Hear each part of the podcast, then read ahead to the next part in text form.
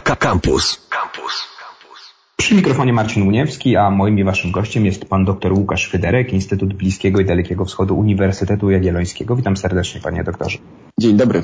W Libii sytuacja jest y, ostatnimi czasy bardzo dynamiczna, chociaż oczywiście w tym kraju wojna domowa trwa od 2011 roku, ale y, wczoraj załamała się ofensywa y, sił marszałka Halify Haftara. To jest wojskowy, który rości sobie prawo do panowania nad całą całą Libią. Ta jego ofensywa została wczoraj zatrzymana. To zmienia postać rzeczy, jeśli chodzi o sytuację wewnątrz Libii. O tym powiemy za chwilę. Ale na samym początku, żeby przypomnieć słuchaczom, bo o Libii też już kilka razy rozmawialiśmy, ale sytuacja jest, tak jak mówię, płynna.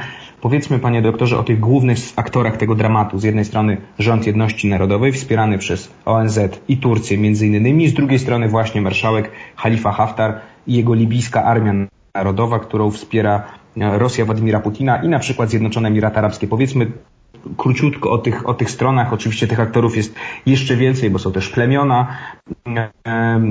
w, liczne w Libii, są też e, dżihadyści, więc właśnie pokrótce jakich mam aktorów na, na, tym, na tym froncie. E, więc tak, więc y, można rzeczywiście ten konflikt, y, y, spójrzmy na, na razie na początek na niego z perspektywy takiej libijskiej, bez jeszcze tego kontekstu międzynarodowego, który jest oczywiście istotny, ale mamy, tak jak pan redaktor wspomniał, dwie główne siły, które, e, których rozdział został zapoczątkowany w 2014, ponieważ może na początek taka uwaga ogólna. My rzeczywiście mamy tendencję do postrzegania e, sytuacji w Libii jako takiego ciągłego problemu, który się ciągnie od roku 2011, ale e, tak naprawdę e, początki tej wojny domowej znajdują, są w roku 2014. Warto pamiętać, że polityka w Libii po obaleniu Muammara Kaddafiego, czyli po roku, po od jesieni 2011 do 2014 roku właśnie toczyła się w sposób, no właśnie, bezkrwawy. Mieliśmy tam proces polityczny.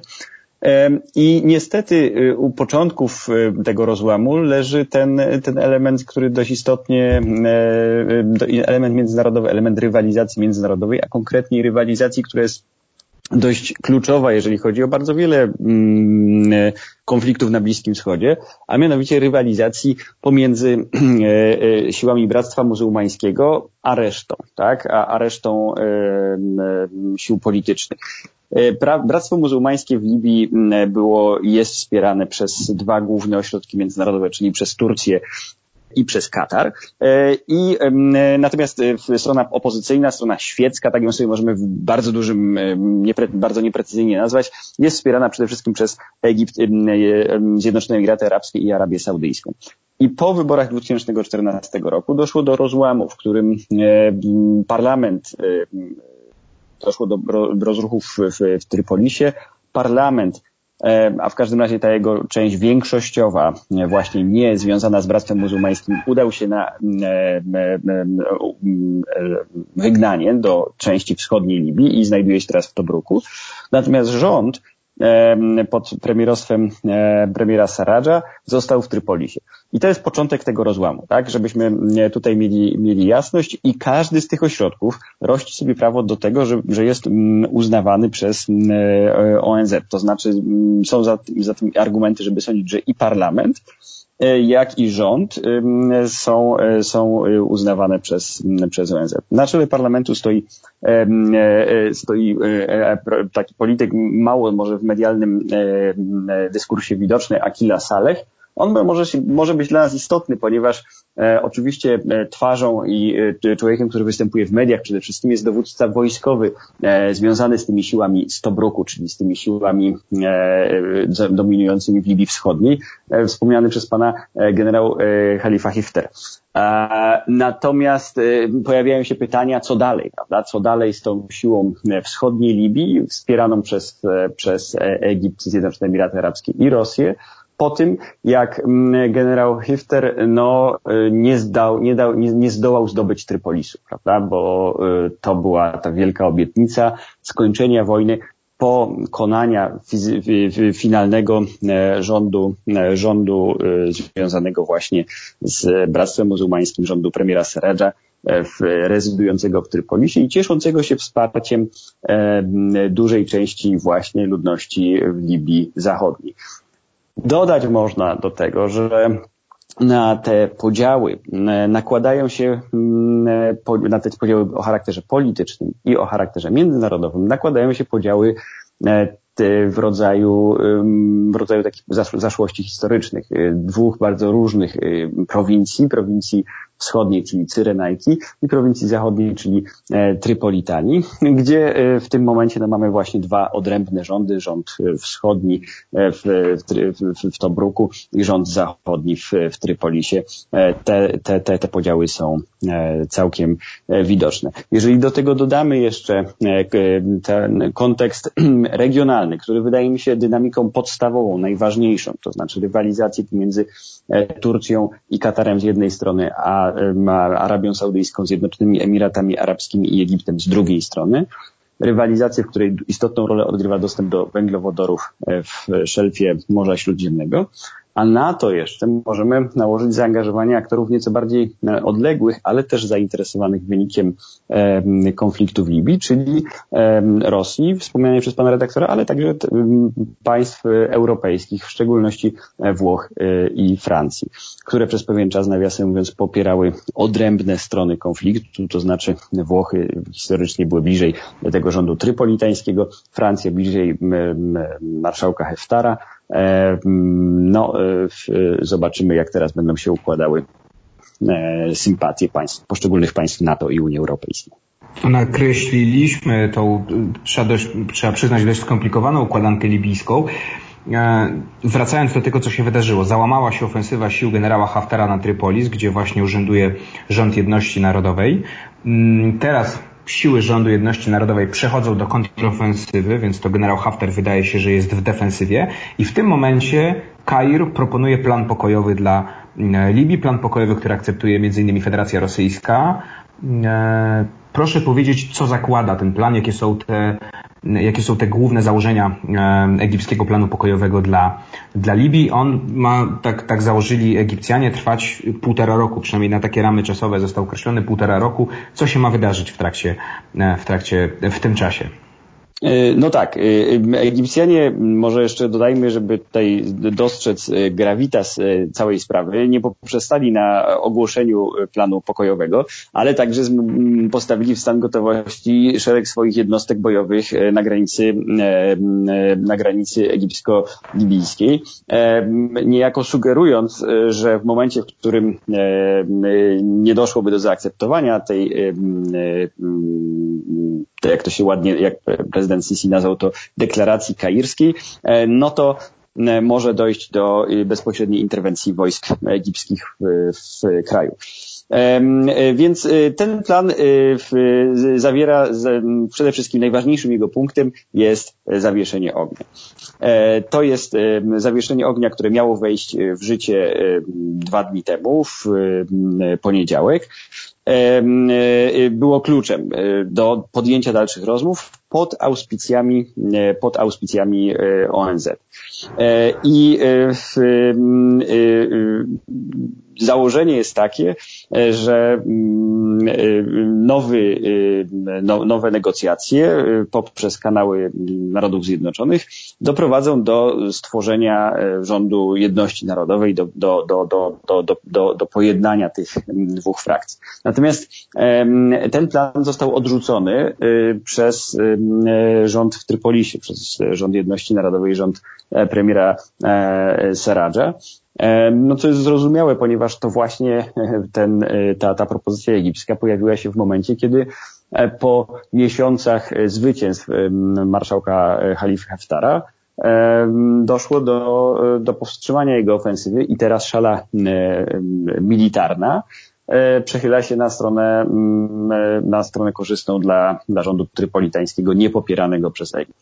E, tak więc mm, no, jest to klasyczne w historii konfliktów sytuacja, w której mocarstwo zewnętrzne, w tym przypadku Egipt, wspierające jedną ze stron wojny, wojny domowej, próbuje jednocześnie występować w roli mediatora, co nie jest wiarygodne dla strony przeciwnej, dla strony w tym przypadku w tym przypadku trypolitańskiej.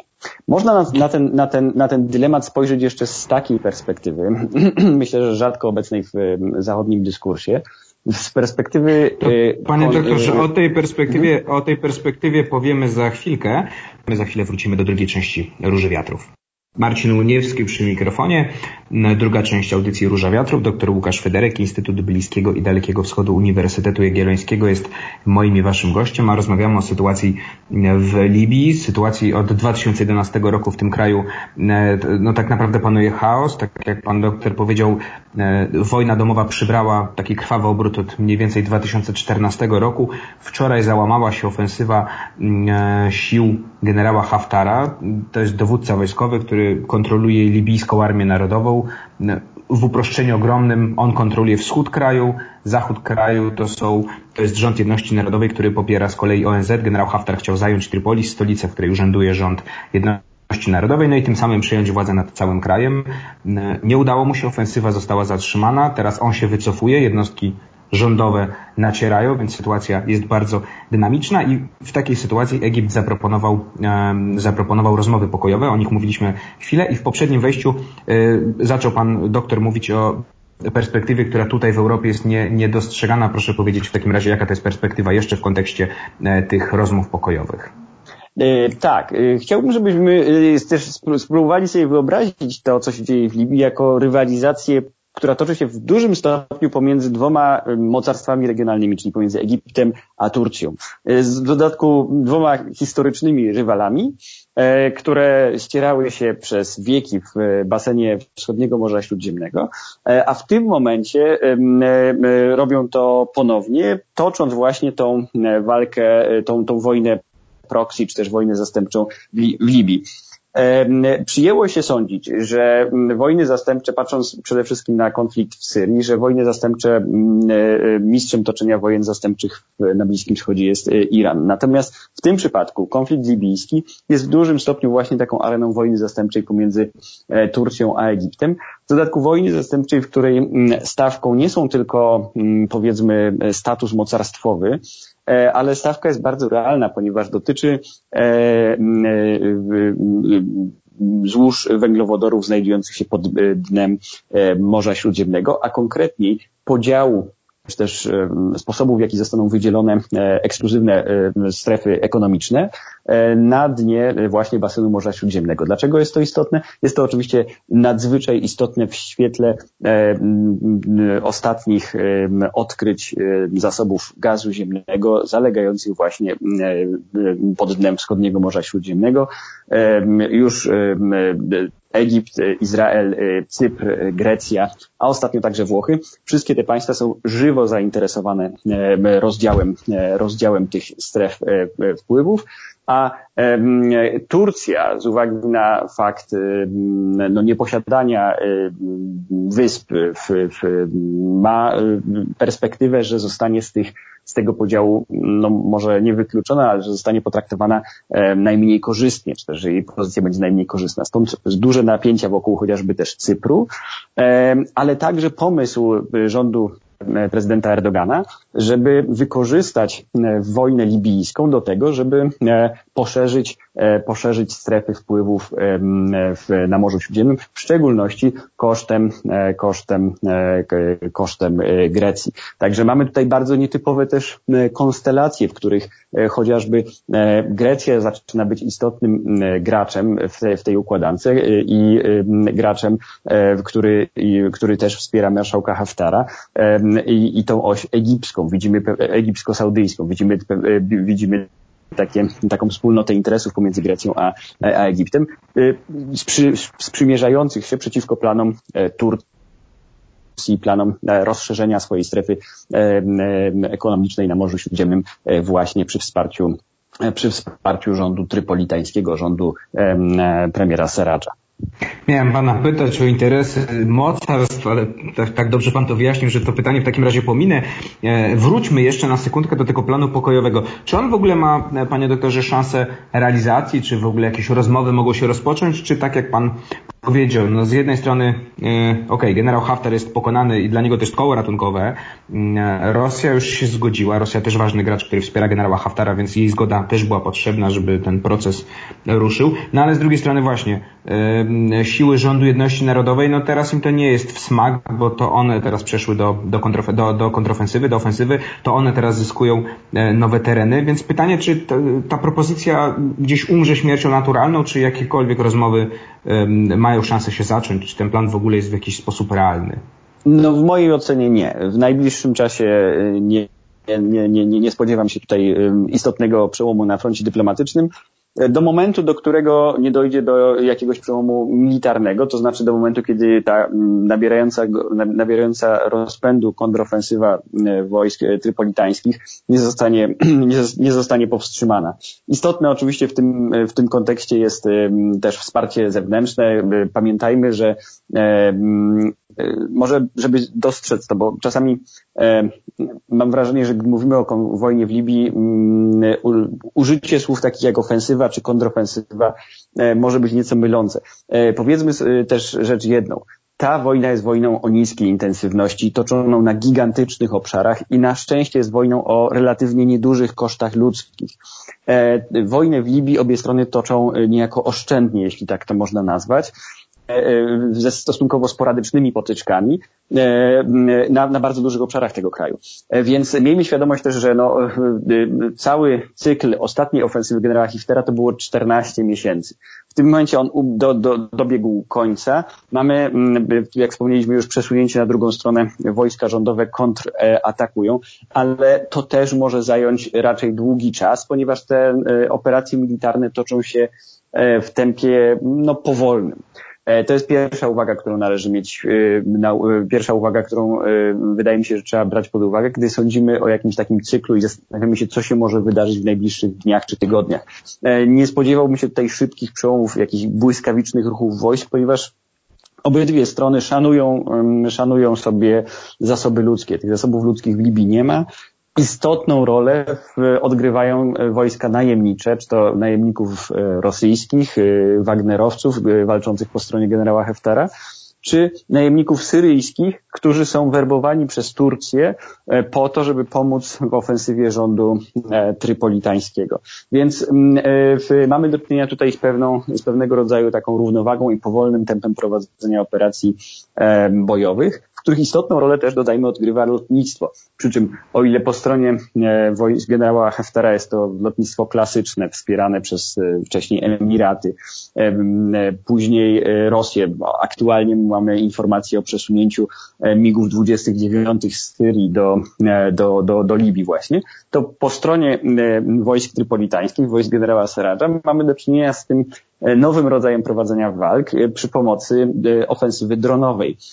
Dronów dostarczanych przez Turcję w, w dość dużych ilościach, dość No tak, Turcja się specjalizuje ostatnio w dronach. Ta, tak, I, i, i to jest też ciekawy aspekt tej, tej, tej, tej wojny, że ta ofensywa, ofensywa, o której mówimy, jest w dużym stopniu realizowana przy pomocy sił powietrznych, które są no, wyłącznie bezzałogowe. E, tak więc to taki, taki, taki no dość złożony obraz tego, e, tego militarnego, e, te, tego militarnego aspektu tego konfliktu się nam wyłania. Ale pamiętajmy, planując też, sięgając, próbując jakieś prognozy na, wobec tego konfliktu wysuwać, że no najważniejszy wniosek, to czego nauczyliśmy się z wojny libijskiej, to to, że jest to wojna toczona w, w, w relatywnie wolnym tempie i na szczęście, jeśli tak można powiedzieć, przy stosunkowo niedużych stratach ludzkich. Trzecia i ostatnia część Róży Wiatrów dr Łukasz Federek, Instytutu Bliskiego i Dalekiego Wschodu Uniwersytetu Jagiellońskiego jest moim i waszym gościem. Rozmawiamy o sytuacji w Libii. Mm, sytuacja z jednej strony dynamiczna, z drugiej strony, tak jak pan doktor powiedział, no, walki toczą się w, w, na, na okres, w przestrzeni wielu miesięcy, ale wczoraj załamała się ofensywa e, sił, rząd, sił generała Haftara, mm, który dowodzi libijską armią narodową. On kontroluje wschód kraju. Próbował zająć Trypolis, e, czyli stolicę, w której urzęduje rząd jedności narodowej nieuznawany przez generała Haftara. Generał Haftar, chcąc, zajmując Trypolis, chciał e, obalić ten rząd i przejąć, przejąć władzę nad, nad zachodnią częścią Libii. No to się nie udało. Na razie jest w defensywie. Kaj zaproponował, to powiedzieliśmy panie doktorze, plan pokojowy. Na razie jego realizacja wydaje się mało realna. Chciałem zapytać, jak podchodzi do, do całej tej sytuacji do, i, do, i do tej zatrzymanej ofensywy generała Haftara i do, tego, do tej propozycji egipskiej Unia Europejska, która też już powiedzieliśmy ma swoje interesy w, ma swoje interesy w Libii, no chociażby kwestia powstrzymywania uchodźców, to wcześniej, czy, czy Włochy chociażby no, przez swoją przeszłość kolonialną mają też silne związki z Libią. Jak Bruksela, proszę powiedzieć, ocenia tą, tą, tą inicjatywę egipską? E, no cóż, e, e, Bruksela zapewnia o swoim poparciu. Istotne wydaje się tutaj zaangażowanie też dyplomatyczne Rosji, które, gdzie mieliśmy rozmowę telefoniczną prezydenta Putina z panią kanclerz Merkel dotyczącą między innymi Libii, więc, więc widać tutaj taką, taką, takie przekonanie czy też dążenie do tego, żeby przekonać głównych graczy Unii Europejskiej do e, poparcia tego, e, tego planu. E, Francja jest tym graczem w ramach Unii Europejskiej, która, który historycznie postawił na Heftera i który też sprzyja wprowadzeniu w życie tego egipskiego planu, choć na razie deklaracje są dość ostrożne. Natomiast no, nadzwyczaj ciekawa jest tutaj pozycja Włoch. Włochy historycznie wspierały rząd e, e, Seradża. Włochy, o ile wiem, nie wypowiedziały się jeszcze co do tego planu pokojowego egipskiego, ale ostatnimi e, miesiącami widać było ten, ten większy zwrot Włoch w stronę, w stronę Egiptu.